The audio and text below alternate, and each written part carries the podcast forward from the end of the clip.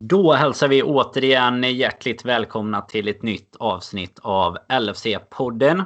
Det är ju frekvent med avsnitt här i ett eh, matchschema som inte liknar något vi sett tidigare med Premier League, Champions League och inte minst december och snart eh, julspelschema på det. Så eh, podden kommer väl försöka leverera lika bra som laget på planen. Och med mig Daniel Forsell idag kommer jag ha Christian Andersson och Karl Sundqvist för att eh, sätta upp en fronttrio, mittfältstrio eller eventuellt eh, tre av fyra i backlinjen som eh, ska kunna försöka guida er igenom den här dryga timman som vi har framför oss. Vi kommer givetvis att snacka matchen mot Wolves igår. Vi kommer prata om publiken som var tillbaka och det kommer även vara lite om Champions League som ju avslutas, eller gruppspelet avslutas här i eh, veckan. Men eh, till att börja med vill jag påminna om att vi givetvis gör detta i eh, samarbete med LFC.se där du finner den svenska supporterklubben. Du finner nyheter, du hittar tävlingar och eh, givetvis om du inte redan är det så ska du in och bli medlem där. Eh, just i dessa tider så eh, bultar ju kanske supporthjärtat lite extra när Musikhjälpen snart drar igång. Det har ju blivit en kär tradition att vi i supporterklubben kör en sån här bössa som det kallas gemensamt och vi har via poddens sociala medier här lagt ut information om hur du kan vara med och bidra där. brukar ju vara en av de supporterskaror eh, som presterar bäst i Sverige. Så det, med Liverpool på topp så finns det väl ingen anledning att eh, misstro att vi ska göra det detta året också. Och eh, jag kikade faktiskt här precis innan inspelning och det har redan börjat trilla in lite jakt här efter några lag som startade tidigare än oss. Så surfa in där och kika. Du hittar givetvis även all information på lfc.se.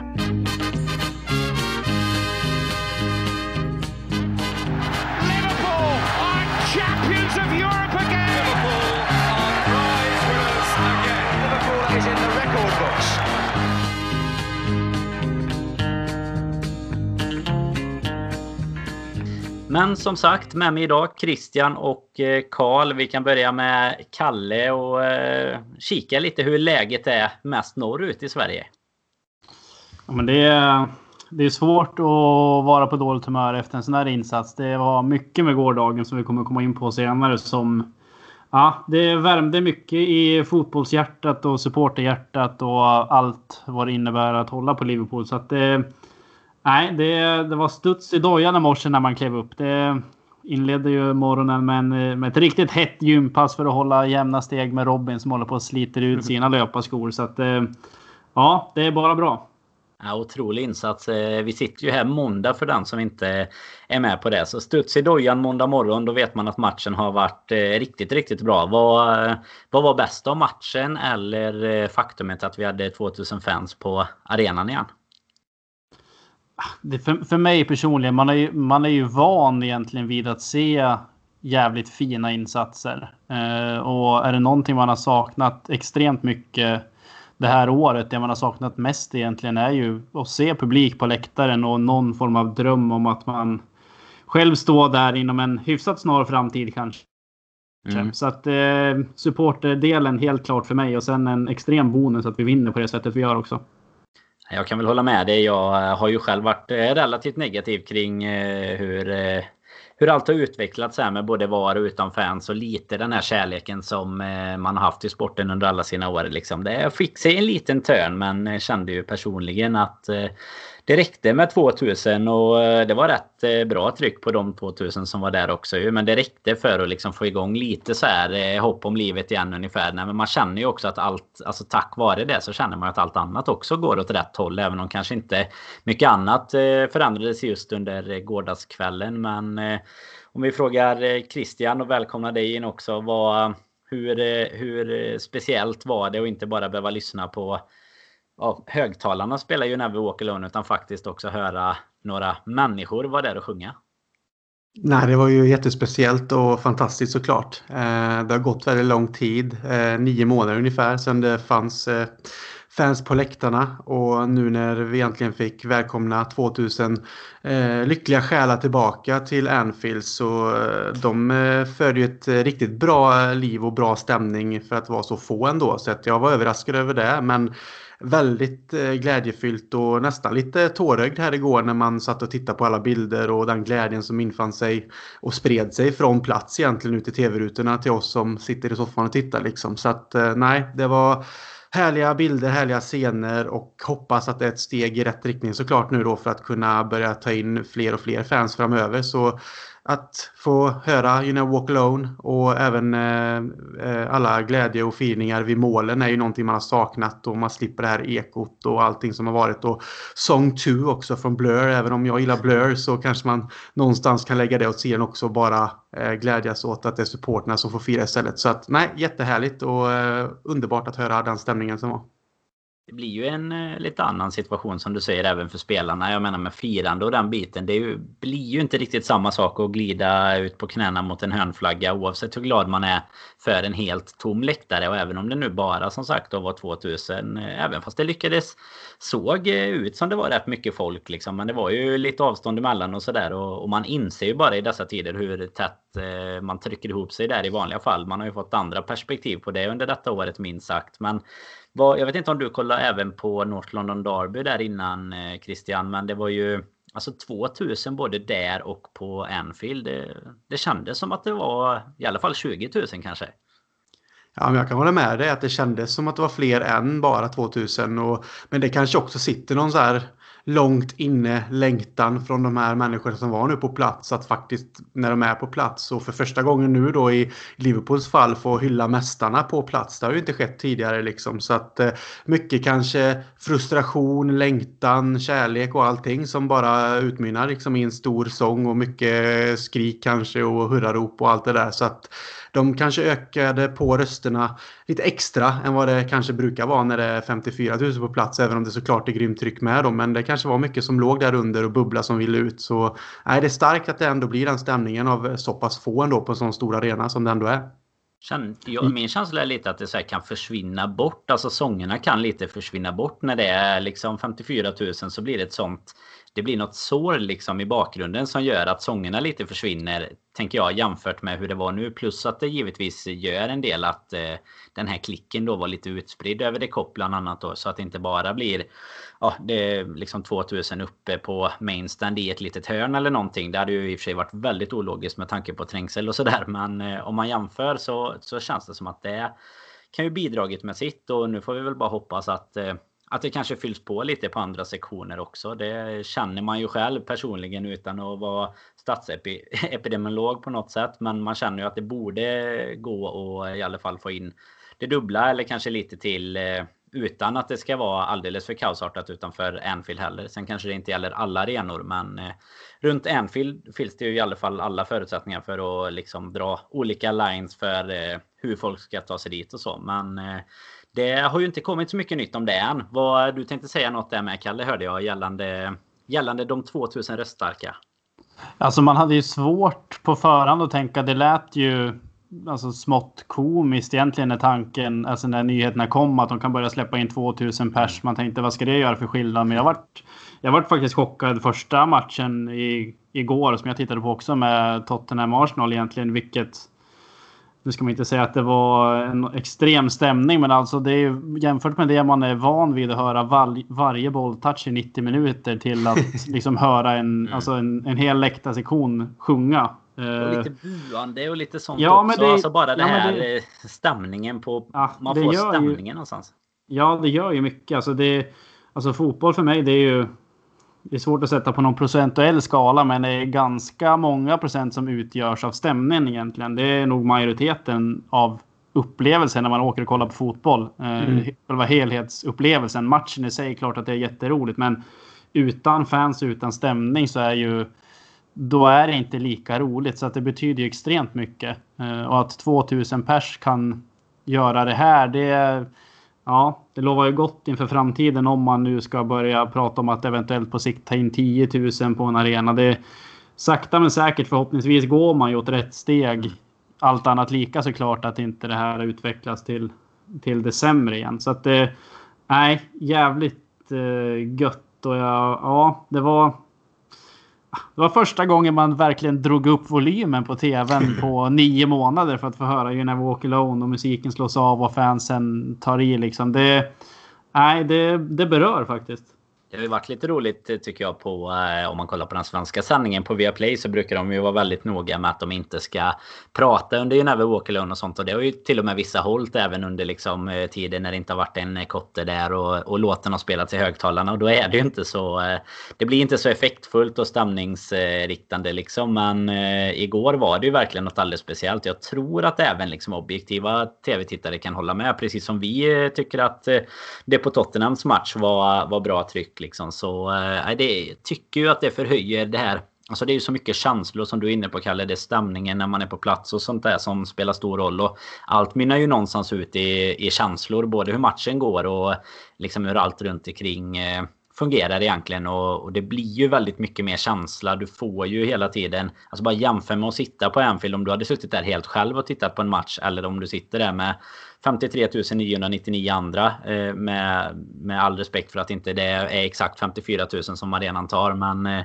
alltså det, det är något helt annorlunda och man får ju den här gemenskapen. Man får alltihop och eh, den tycker jag verkligen gick, eh, ja, den gick igenom rutan lite igår. För man, eh, det var nästan lite gåshud när man liksom fick lite jubel och man såg ju Matip bland annat när han gör sitt mål. Han blev helt galen liksom. Han hade kanske blivit galen ändå i och för sig för han är ju en, en karaktär. Men ja, känslan är ju att han liksom verkligen tog det tillsammans med fansen. Men vi kommer ju in på hans mål sen också här. Men innan vi går in på själva matchen så tänkte jag också pusha lite för eh, Robin här som för övrigt eh, fyller år idag. Han fyller 25 plus här för eh, säkert 20 året på rad. Men pusha lite för eh, hans Studio Sandon som han kör tillsammans med Dobb TV. Eh, kommer ju fortsätta vara gratis här för de som har sett det redan. Eh, riktigt eh, bra innehållsrikt. Det är ju en liten förlängning på podden om man nu liksom vill eh, även titta på Robin så eh, är det ett optimalt tillfälle. Då går man in på Dobb TV, skapar sig ett konto och sen är det som sagt gratis att kika. Och nu kommer det ett nytt avsnitt här i veckan.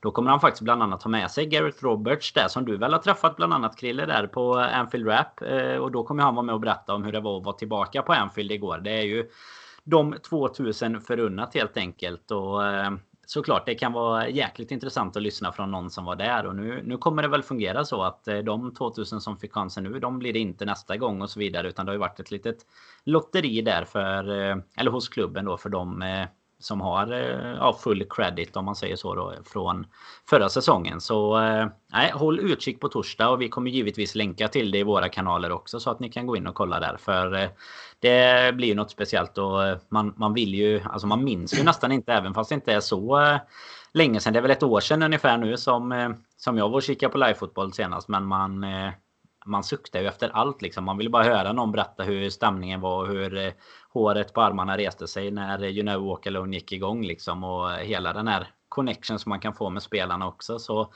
in där och kika så eh, hoppas vi att vi kommer kunna prata om eh, publik på arenorna för all framtid här nu och inte behöva ha någon återgång som du pratade lite om där Kalle. Det är ju om det skulle bli någon, något absolut kaosartat. Men det känns ju som att jag såg bland annat att Merseyside Police, eller de som sköter eh, allt kring eh, arenan och sådär. Sa ju att det var helt exemplariskt. Eh, allting runt om och inga köbildningar och sådär. Så känslan är väl att det går åt rätt håll i alla fall. Jag har inte läst något annat från södra England heller så sett gällande att det skulle vara några problem. Utan det är väl smittspridningen i sig som är det enda som skulle kunna hota kan jag tänka mig. Men om vi ja. går in på matchen i sig då Krille. Det var Startelvan, eh, vi hade ingen. Det mest eh, anmärkningsvärda kanske var väl att inte Diogo Jota eh, stod på startlinjen. Eller vad, vad känner du där? Ja, det var det väl egentligen. Eh, utan att någonstans ändå tycka att det var jättechockerande. Han är ju i jättefin form och har bevisat sig och varit jättenyttig och fantastisk och allting. Men eh, jag har väl en känsla av, av, förståelse kring det som Klopp pratade om inför också. Det här med att eh, inte... Som sagt, vissa vill att eh, gamla spelare ska spela mot sin, eller eh, spelare ska spela mot sina gamla klubbar.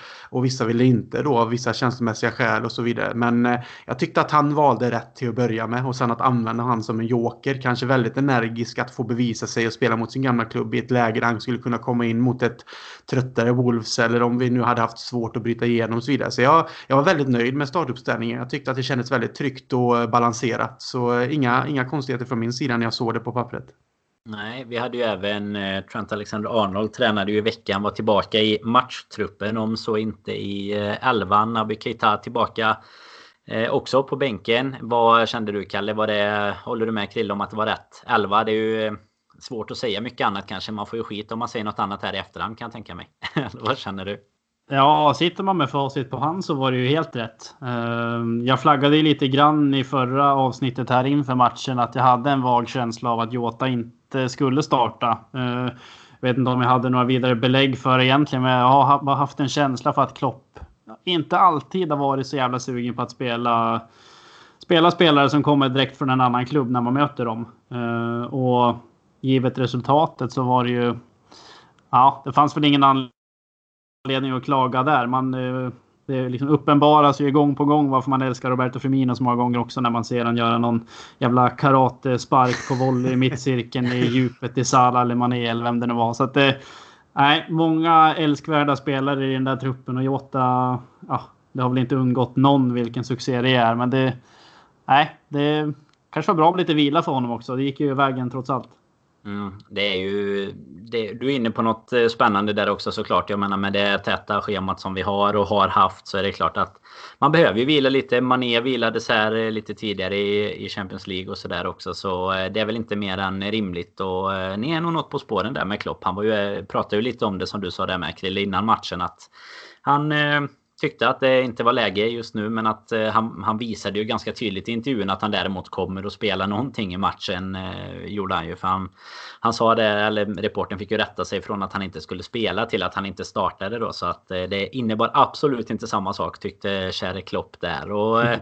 tycker väl att våra eh, värt att, att nämna liksom Jones, Keller. Så, äh, Keller gjorde en jättebra insats i, i Champions League som ni pratade om tidigare här också. Och sen eh, tillsammans med Jones och Nico Williams eh, härligt att eh, våra yngre förmågor verkligen kommer in och börjar ta för sig. Jones som har ju gjort det innan. Neco Williams kanske lite mer ifrågasatt men har ju faktiskt de här två senaste matcherna eh, tycker jag gått, eh, ja, börjat att växa in lite i, i tröjan i alla fall. Även om han kanske får svårt med speltiden nu framöver då givetvis. Men eh, i övrigt ganska så eh, ordinarie lag. Det var ju samma lag som hade läckt ut något dygn tidigare här. Även om det inte alltid stämmer nu för tiden så eh, så stämde det denna gången och om vi ska eh, egentligen börja någonstans Krille för jag tänker att vi kommer väl eh, komma igenom alla spelare som eh, förtjänar någon sorts hyllning i den här matchen men eh, liten sån här bro över till vad ni pratade om med att möta sin gamla klubb så var ju Connor Cody rätt så inblandad i första halvlek. Det börjar med att han bröstar ner den till Mohamed Salah. Salla, evigt underskattad. Är det ett eh, typiskt skyttekungsmål som han eh, gör där eller vad känner du?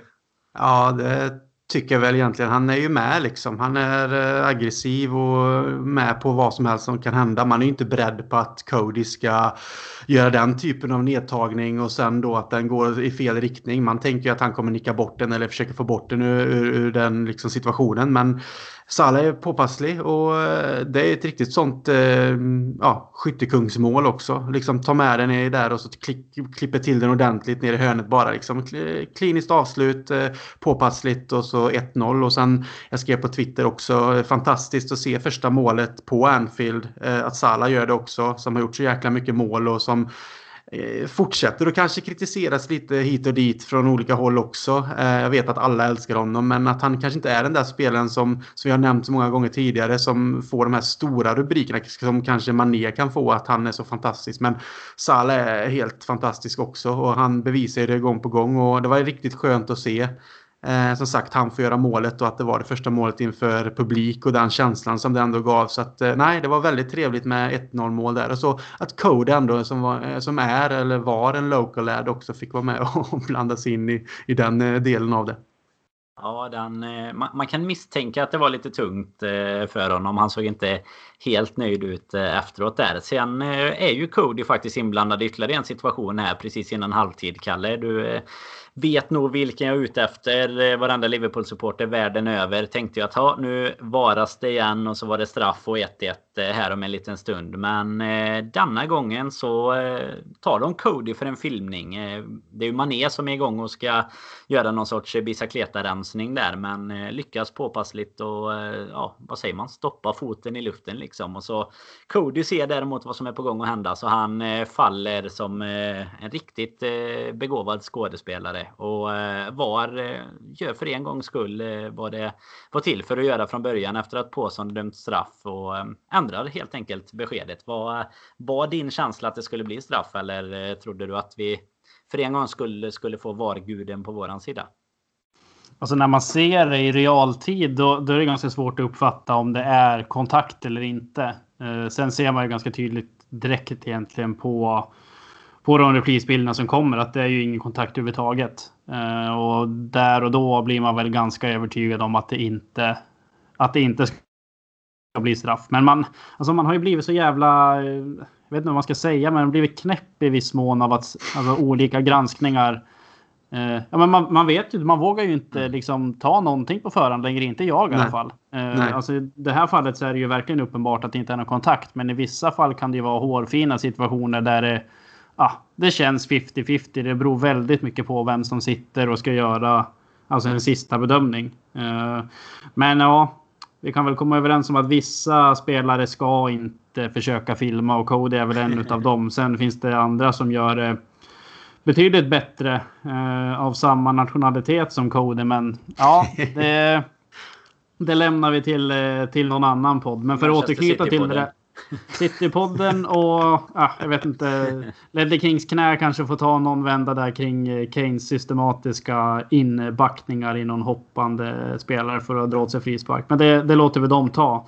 Mm. Bara återknyta till det där som du nämnde Krille med Salah. Det kom ut statistik efter matchen på förhållandet mellan han och Ronaldo egentligen. Eh, mm. Båda nu på 84 mål i Premier League. Salah har gjort det på 63 matcher eller vad blir det nu, 65 matcher färre än Ronaldo. Så att eh, Salah gjort 84 mål på 131 matcher. Ronaldo gjorde 84 på 196. Det säger ändå någonting om vilken klass det är på Mohamed Salah. Det, jag ville bara få det sagt för att eh, Ronaldo är något referensmärke för någon liksom all time eh, bäst liksom i Premier League typ som, som winger. Så att det, det säger en del om hur bra Salah verkligen är och att han kanske borde få ännu mer uppskattning än vad han verkligen får. Mm. Något som är extremt eh, intressant tycker jag är ju att det alltid nästan när det kommer ut sån här statistik på Twitter och, och, sociala medier lite som du är inne på där eh, Kalle så är det ju en ganska överlägsen fördel för Salah. Men när det kommer upp annan statistik från Premier League och de senaste åren så tycker jag alltid nästan att det är så här. Ja men den här spelaren har varit först till att göra sig och så många mål assist eller eh, typ in, involverad i antal mål. Och så är det alltid nästan så här. Ja förutom den andra som är bättre är Salah eller typ Level Whitmore Salah eller någonting. Det är mm. alltid nästan så att han är inblandad i alla de här mm. ja, olika rekorden liksom som eh, som det handlar om. Det var ju någonting nu på uh, Kevin De Bruyne vet jag. Han var ju inblandad i, med både uh, mål och assist där i, i Citys match. Då var det också någon så statistik som ja, men han är han är bäst på det, det och det. Fast det är även Salah. Men då håller de det ändå som att liksom det är Kevin De Bruyne som är bäst. Men så står det liksom bara längst ner att ja, fast han är, han är level Whitmore Salah som man alltid brukar eh, säga då. Men nej, det är väl eh, bara att eh, fortsätta hylla Krille. Eller vad känner du med våran kära egyptier? Det mm, finns ju ingenting att egentligen eh, klaga på. så han är ju där han ska vara och eh, jag vet inte om vi behöver att och ta detta avsnittet till eh, det så sett. Men eh, nej, du, får, eh, du får i alla fall avsluta hyllningarna för 1-0 målet där.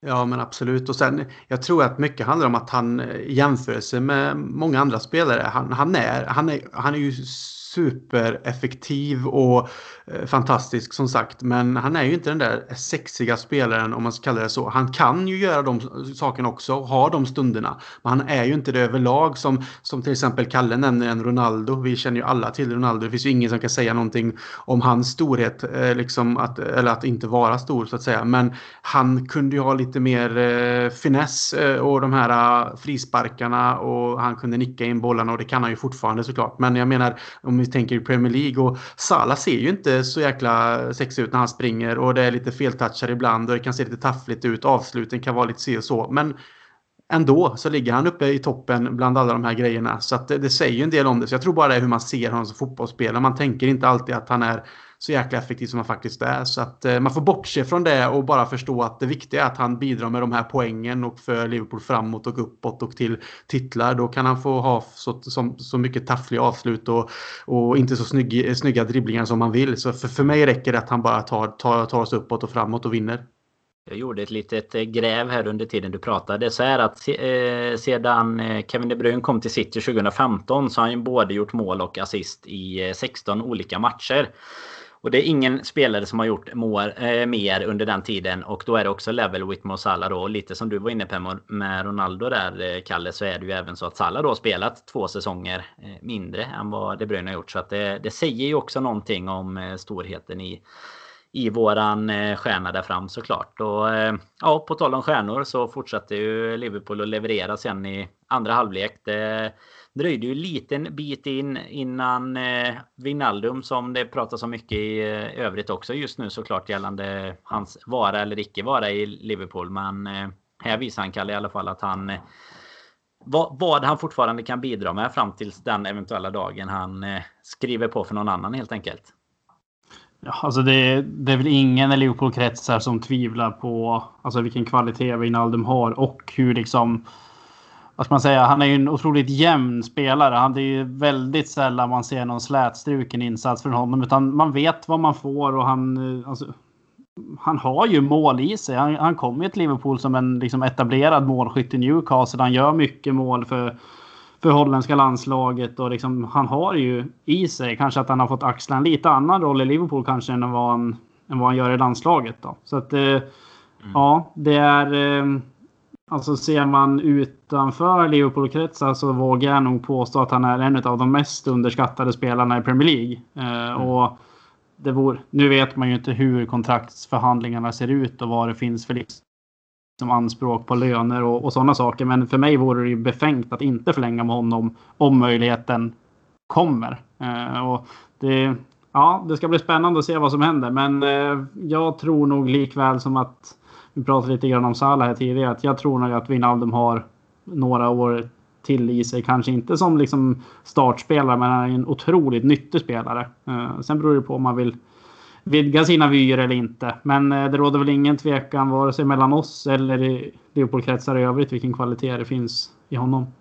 Nej, och känslan framförallt på Wijnaldum det är ju, eh, vi har varit inne på det någon gång tidigare också, men just den här säsongen om någon gång så visar ju styrkan liksom vi har den här garanten som alltid kan spela i stort sett. Alltså det är ju han och några till som de behöver ju aldrig vila liksom. De kör sina 90 minuter varje match och och bara gör de här stabila insatserna som du säger där Kalle. Alltså det finns ju Barcelona såklart hemma där han sticker ut efter sitt inhopp i den matchen. Men alltså i, i de flesta matcherna så tänker man ju inte så mycket på att han är där. Men han gör det här extremt nyttiga jobbet. Och eh, ja, som du är inne på där. Det finns väl ingen Liverpool-supporter och förhoppningsvis ingen annan heller. Men man, kikar man inte lika mycket så specifikt på honom så, så kan jag hålla med dig om att man, många säkert eh, ser honom som en eh, kanske högst medioker spelare egentligen. Men, men han är ju en vital del av ett lag som både vunnit Champions League och Premier League. Så att eh, någon sorts status ska vi väl kunna lyfta upp honom till. Och det är något väl värt, värt att nämna där också. För, utöver att det egentligen var ett drömmål. Det är ett jättesnyggt mål. Han, eh, även om bollen känns som den går ganska långsamt in i krysset så är det ett jättesnyggt mål Wijnaldum gör. Sen är det ju även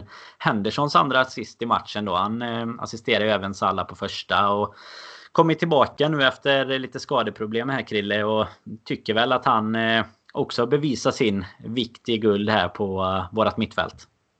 Ja, det gör han ju. Och innan jag går in på det så vill jag ju faktiskt ta upp någonting som jag oroar mig över framöver. Det är ju vem som ska leda Vinaldum-sången på Popworld i framåt. Eh, när Kalle brukar ta den rollen när vi är över sen och får åka över igen om han nu skulle lämna. Den eh, frågan är lite jobbig faktiskt. Det, brukar vara Kalle som får lösa, Det får ni lösa själv med tanke på att Popworld då... Ah. Där, eh, ni, ni, som är välkomna på Popcorn får försöka föra den fanan vidare. Varenda gång vad du menar. Nu förstår vad du menar Kalle. Ja, det, finns, var... det finns vissa som har varit alldeles för turistiga utanför menar du, som du och jag.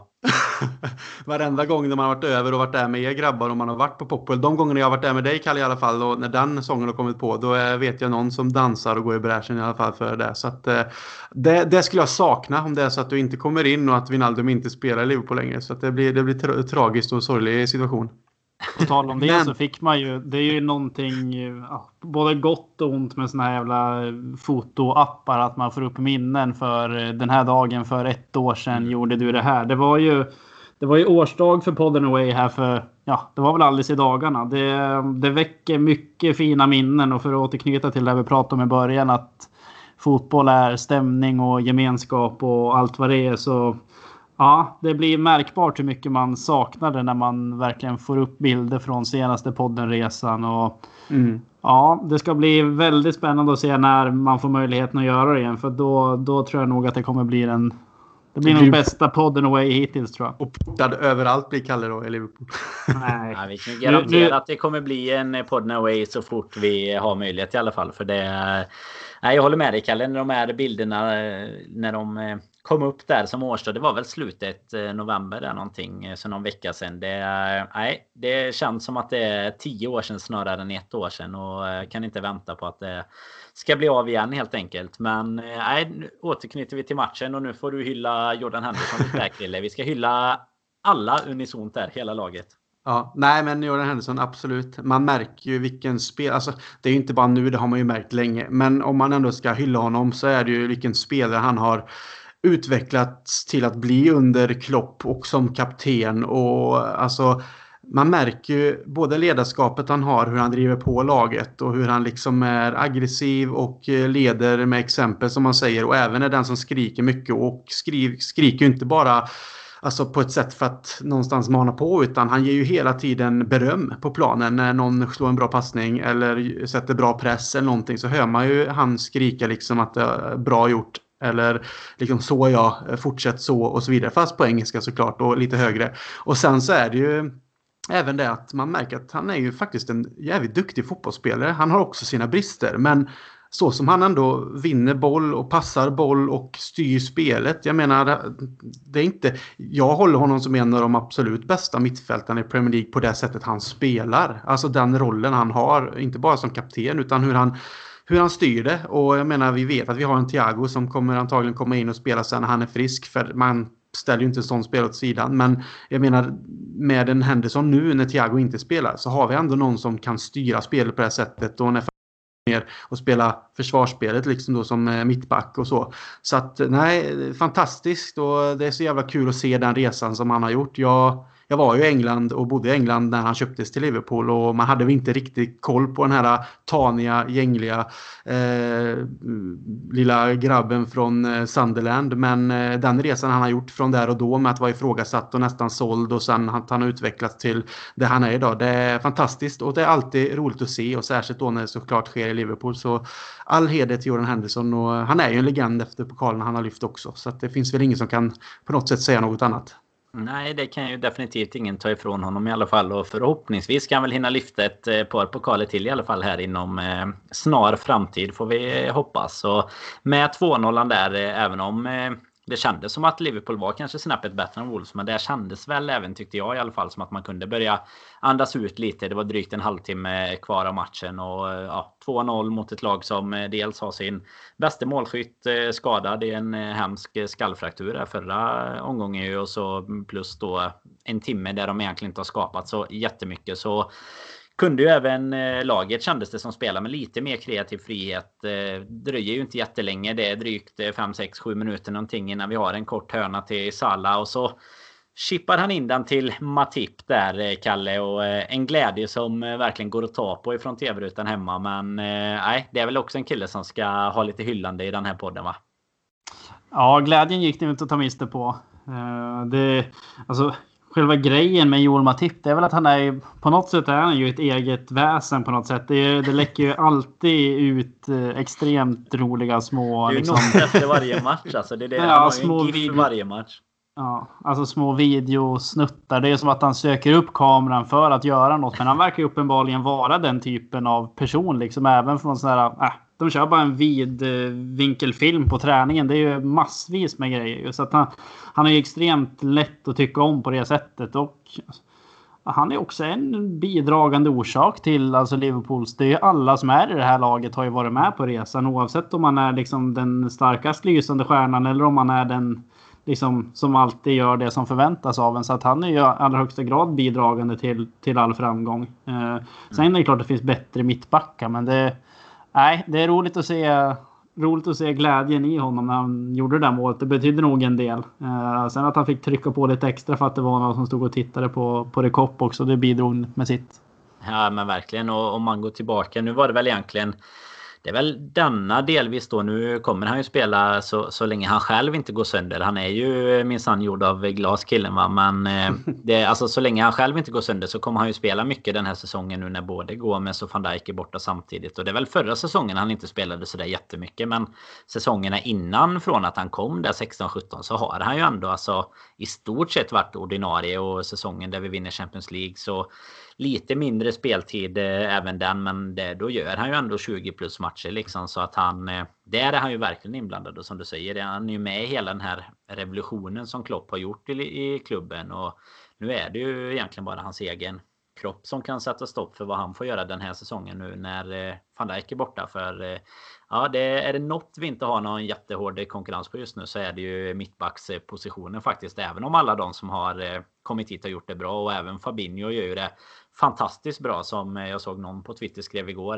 det är fint att både ha världens bästa defensiva mittfältare och världens näst bästa mittback i truppen. Eh, då är det samma spelare dessutom då. Eh, efter 3-0 där så byter vi in de som eh, vi pratade om lite här i början. Det var först Alexander Arnold som kom in istället för Neco Williams som gjorde en bra match som vi nämnde där tidigare med. Sen kommer även Jota in istället för Firmino. Eh, och eh, ja, det är ju just Trent som är inblandad i sista målet där också. Det, man tror att det är Mané som gör målet, men det blir ju ett eh, Semedo självmål. Och jag satt väl och tyckte att Salah kunde ha sträckt fram en liten tå. Jag vet inte, Kalle, du sitter väl också med, med Salah i fantasybygget, så eh, du kanske höll med mig där? Ja, där, han är ju ett stående, stående inslag i mitt lag. Jag har ju fått mycket hån från er andra att man jag sitter ju med en bänk som inte ens spelar i Premier League längre. Så jag har ju extrema problem att få ihop ett lag. Eh, med tanke på att min bänk har blivit såld eller att de har, ändå att de har lämnat. Ändå är jag bäst varje omgång. Så att eh, ja, han, eh, han är ett stående inslag i mitt lag. Så det är klart att man alltid vill ha lite, lite bidrag från honom i poängskörden. Så att, men det kommer nog. Ja. Men det är klart, man vill alltid. Mycket vill ha mer, så är det ju.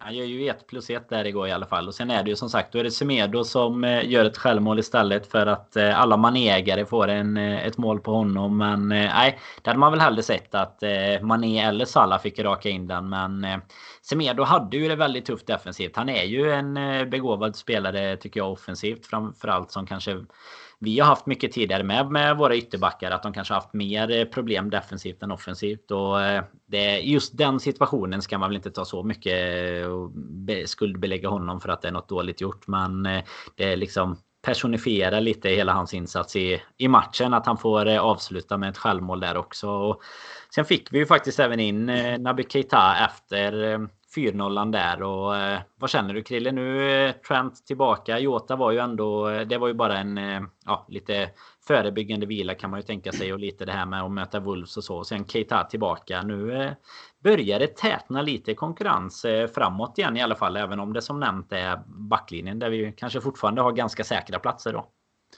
Ja, det är skönt att det eh, kommer spelare tillbaka från skador och riktigt skönt att se Trent komma in. Jag var lite så osäker på om man faktiskt skulle hoppa in om man faktiskt skulle riskera att en skada skulle kunna slås upp. Men eh, har eh, de inom klubben som har koll på allt det där, liksom, eh, kunskapen och vetskapen om att ja, men han är liksom okej okay att spela ett visst antal minuter bara för att känna på det och så. Det är inga konstigheter. Så är jag jäkligt glad att han fick komma in och den passningen han slår är ju fantastiskt också. Det har vi ju sett och lärt oss att han har i sin repertoar. Så att, eh, det är fint att se han tillbaka. Men sen tycker jag ju att vi ändå kan stanna vid Nico Williams lite kort också. Jag blev lite orolig när han blev eh, varnad tidigt i matchen att shit, mm. nu kan han få det tufft liksom. För att eh, komma han felvänd eller få jaga eller liksom ja, kommer fel i en situation så är det lätt att det blir ett rött här, alltså ett, ytterligare ett gult. Men jag tyckte att han skötte det jäkligt moget och sansat efter det och skötte sig jäkligt bra i matchen. Så han ska ju också ha cred för sin insats. Och sen då som sagt att han byts ut mot Trent som får komma in och antagligen såklart kommer ta sin plats sen framöver. Och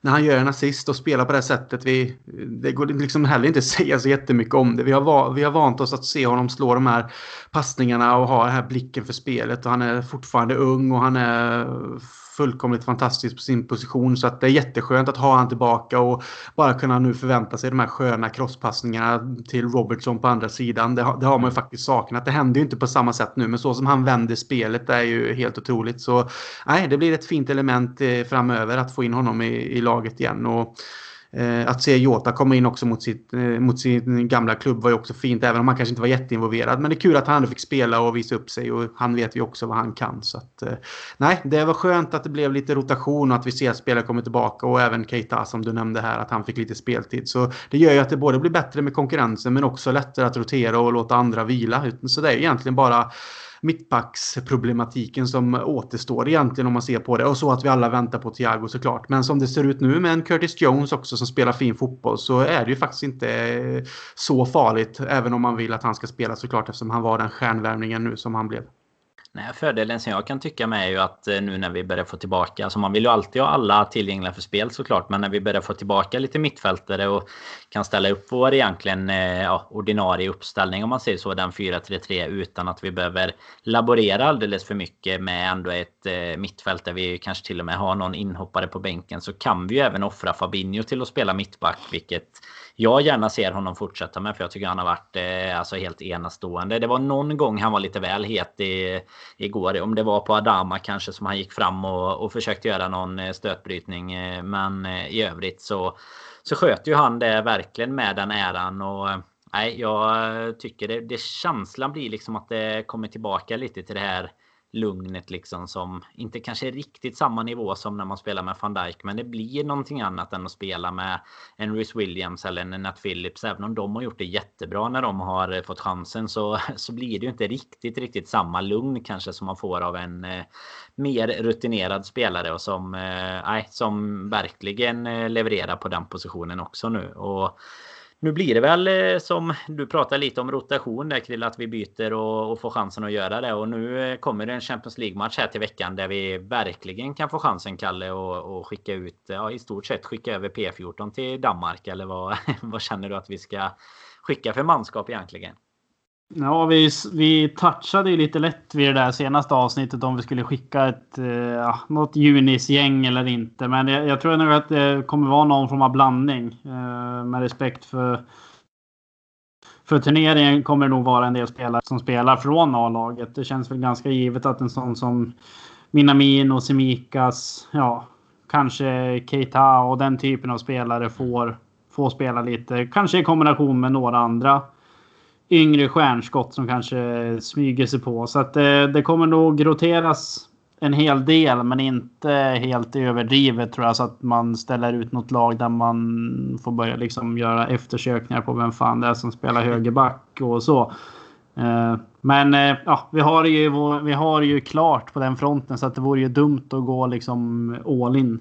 Det är väl en ganska rimlig tanke jag är väl inne på samma spår som eh, du där. Att man vilar de eh, absolut mest tongivande och de som har spelat hela perioden här. Och de som kanske vet med sig som eh, Matip. Liksom att man är lite mer skadebenägna. Men däremot att spela in typ Keita, kanske Trent också. Till och med om han nu behöver speltid. Om, om man nu ser det så. Eller om man tänker att Nico Williams kan få ytterligare några minuter innan han liksom förpassas kanske mer och mer från truppen tillbaka då. Så Nej, så är väl känslan att utan att riskera någonting åka dit och i alla fall sätta upp ett eh, helt okej okay lag på, på banan där borta i Härning i Danmark. Eh, blir ju spännande att se. De tog ju faktiskt en poäng här eh, senaste matchen mot Atalanta. Så de, de har i alla fall fått med sig en poäng till slut. Och får vi se om de kan ta ytterligare någon när vi kommer på besök där då på onsdag och det blir första, om inte jag minns helt fel nu, första gången som vi spelar den här 18.55 starten nu den här säsongen i alla fall. Det känns som att det har varit mest sena 21 matcher, men eh, det får man notera att det är lite tidigare eh, start där på på onsdag och det blir väl nästan eh, timmen innan det som blir mest spännande för att se vilka det faktiskt blir som startar och om man känner igen alla högerbackar och så som du, du är inne på där Kalle. Men eh, annars i, i eh, liksom läget om man säger i ligan där. Nu går ju vi eh, tillbaka och eh, ja, vad säger man delar ledningen tillsammans med Spurs. De tog en seger där mot Arsenal också men om man tar lite så här tempen på er när vi har inte riktigt kommit en, en tredjedel än men vi har ju pratat om det innan med Tottenham Chelsea. Jag vet att du och jag Christian satt i någon podd och lite diskuterade med men känner du liksom att vi kommer tillbaka när man ser sådana här insatser som att det är vi som eh, någonstans är favoriter. Jag, jag tänker att vi lyfter det för att studion satt och pratade om det ganska mycket igår och verkligen lobba upp Liverpool som den här solklara överlägsna favoriten. Eller var det bara Erik Nivas sätt att försöka eh, liksom eh, bäsa sitt Tottenham lite?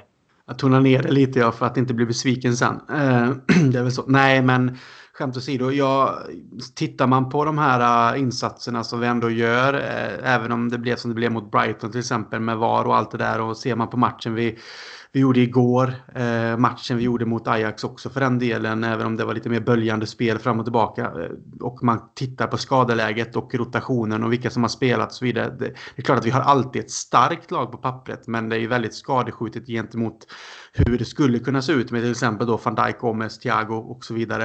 Eh, och Trent som varit borta. Så det är ju världsklasspelare på varje position och är några av de bästa i världen på sina positioner också. Så att eh, det är inte konstigt att det blir sämre. Men när vi då kan leverera de insatserna som igår mot Wolverhampton med 4-0 eh, och liksom ändå spela det, den typen av spel och vara så pass aggressiva, tekniskt duktiga, göra fina mål. Det är klart att vi blir favoriter. Alltså, eh, andra lag har också skador och så vidare. Men det är ändå Liverpool på något sätt att tänker man liksom nu kommer vi vara utan van Dijk och Gomes största delen av säsongen och kanske hela säsongen men tänker man ändå att eh, sån som Matip och Fabinho gör jobbet centralt där nere i försvarslinjen och en Thiago kommer in på mittfältet. Vi har en Henderson, Wijnaldum, vi har en Curtis Jones där bakom, vi har vår fronttrio, vi har en Jota som har kommit och tagit alla med storm.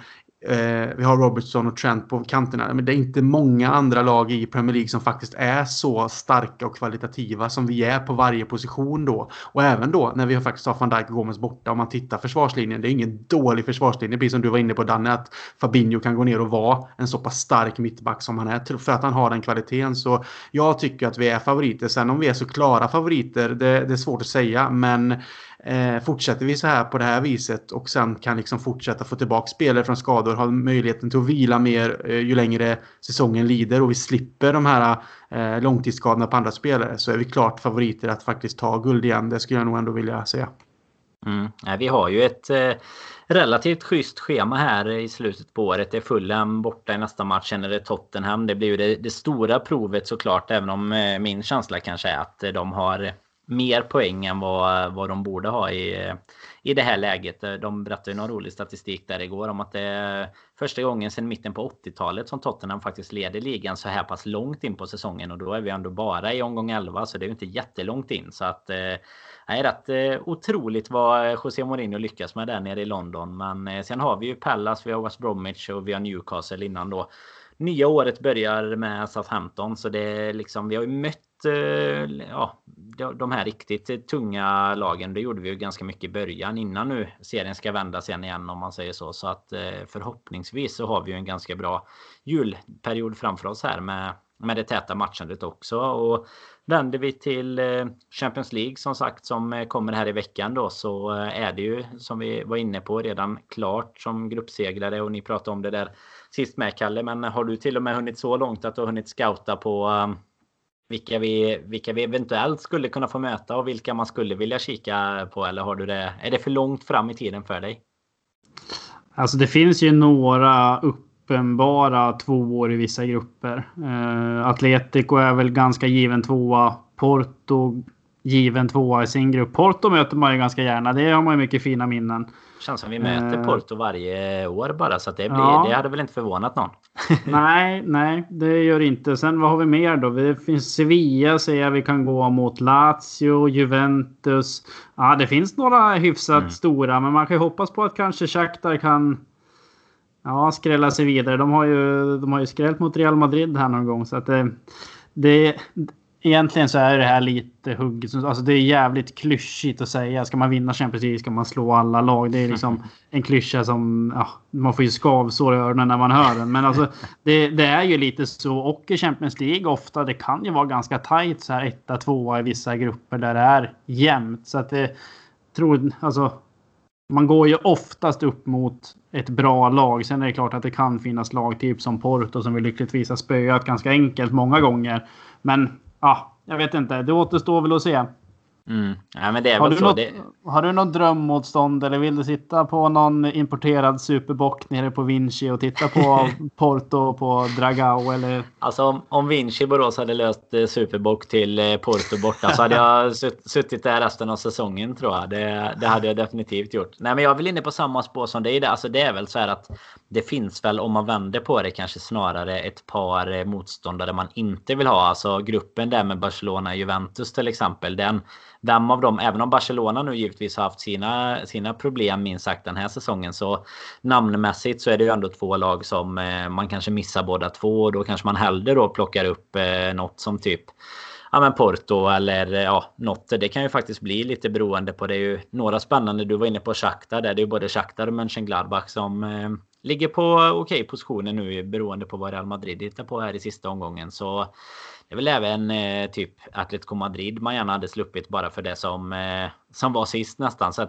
tråkiga minnen bara. Men eh, man kanske ska vända på det och säga att man hade velat möta dem bara för att kunna slå ut dem istället nu om eh, Adrian håller sig långt borta ifrån i målet i en sån match såklart. Och, och vi har ju Kalle här. Så. Ja, men det känns ju så. Du kan ju eh, pratar vi faktiskt inte så jättemycket om i samband med matchen där. Du kan få ta lite om det Krille om du vill. Eh, om man ställer frågan så är, är eh, Adrians dagar räknade liksom? Får han sitta på bänken nu oavsett om Alisson är skadad eller inte?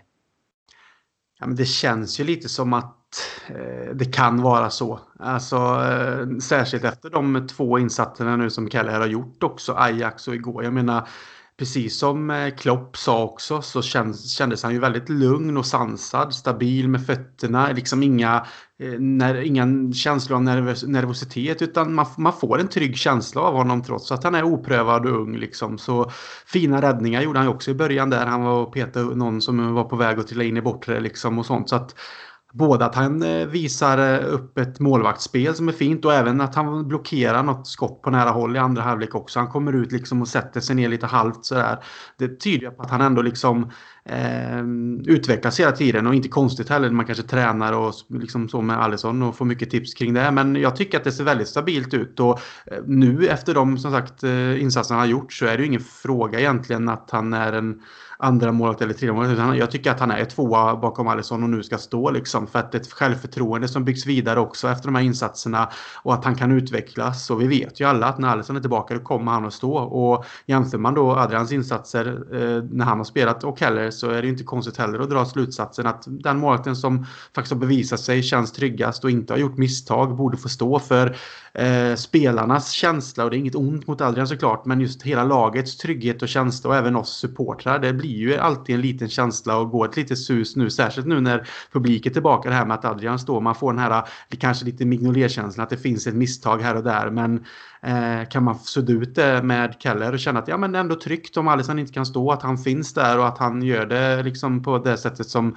som sig bör och inte, vi begär inte mycket mer än att det ska kännas på det sättet. Så har vi en väldigt fin andra mål där. Så kul att se och kul att han har tagit sig uppåt på de här nivåerna och att han faktiskt eh, tar chansen när han väl får dem. Ja, och han gör ju faktiskt som du är inne på där. Han gör ju ett par svettiga räddningar både igår och mot Ajax egentligen. Så han, för hålla nollan i både Champions League och Premier League-debuten. Det, det kan inte bli så mycket bättre och det enda som saknas nu egentligen det är väl att de börjar stava namnet rätt på tröjan. Jag vet inte om ni noterade det igår men de hade ju missat ett E där. Det var någon lite trött materialare som hade stått vid tryckmaskinen inför där och tänkt att vad fasen är det här för kille liksom? Med 60 plus i numret liksom. Det, honom blir det aldrig något av så vi, det är inte så noga tänkte de. Men eh, nej, det missas inte idag på sociala medier så mycket kan man vara säker på i alla fall. Men eh, egentligen det vi har eh, kvar grabbar, en timme går fort när man har roligt. Vi ska givetvis eh, ge våra eh, jag vet inte om vi längre ska kalla det experttips, men vi ska ge våra tips i alla fall gällande vad som komma skall här på onsdag och bortamatchen i eh, Danmark och kan faktiskt passa på att skicka en liten hyllning här också till Rasmus Olsson som ju satte 4-0 här. Det var ju VAR-granskning på vem som skulle få vinna priset. Det var två stycken som hade 4-0. Eh, men båda med fel sista målskytt då, så, eh, och samma minut. Så då fick VAR avgöra det här och Rasmus Olsson drog längsta strået. Han eh, vann våran tipstävling och nu ska Kalle Sundqvist berätta vad man ska tippa för att ja, kanske inte vinna då på onsdag. Eller vad, vad säger du Kalle? Ja, eh, jag har ju mina visdomstips på många andra plan här i livet. Men att tippa det har jag ju aldrig varit eh, någon fena på. Spel och tur i kärlek så brukar det vara va? Ja, det är jag. Kärleken från poddgänget. Jo, men ja, det... kärleken från poddgänget tänker jag på nu, inget annat. Ja, ja den, eh, ja, den, eh, den står stadig i, även i det här jävla skit. Eh, ja, jag vet inte vad jag ska säga. Det är, det är mycket, mycket skit det här året, men poddkärleken har man ju alltid där. Så att, eh, vart var vi? Tips? Eh, ja. ja, tack. 3-0 Liverpool. Ja, det är ungdomarna tänkte jag säga. Det kanske inte blir ungdomarna, men det, det mindre rutinerade laget kommer ändå göra mm, jobbet utan problem. Falkenberg borta. ja, ligger någonting i det. Vad säger du Krille? Jag var inne på 1-3 faktiskt. Så ja, till Liverpool då såklart blir det ju eftersom det är borta.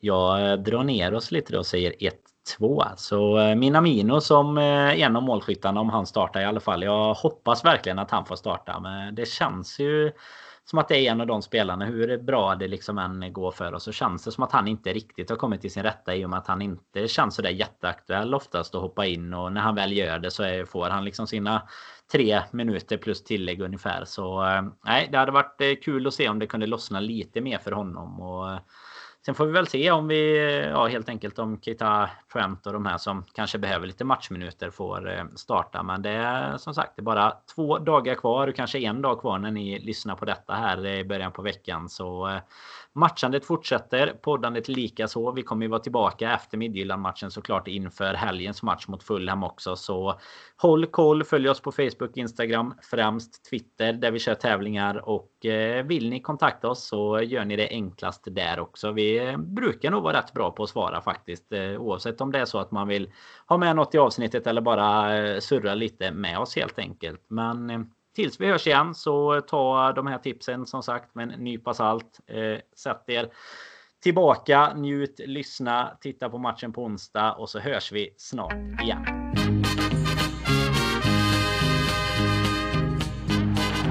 Liverpool are champions of Europe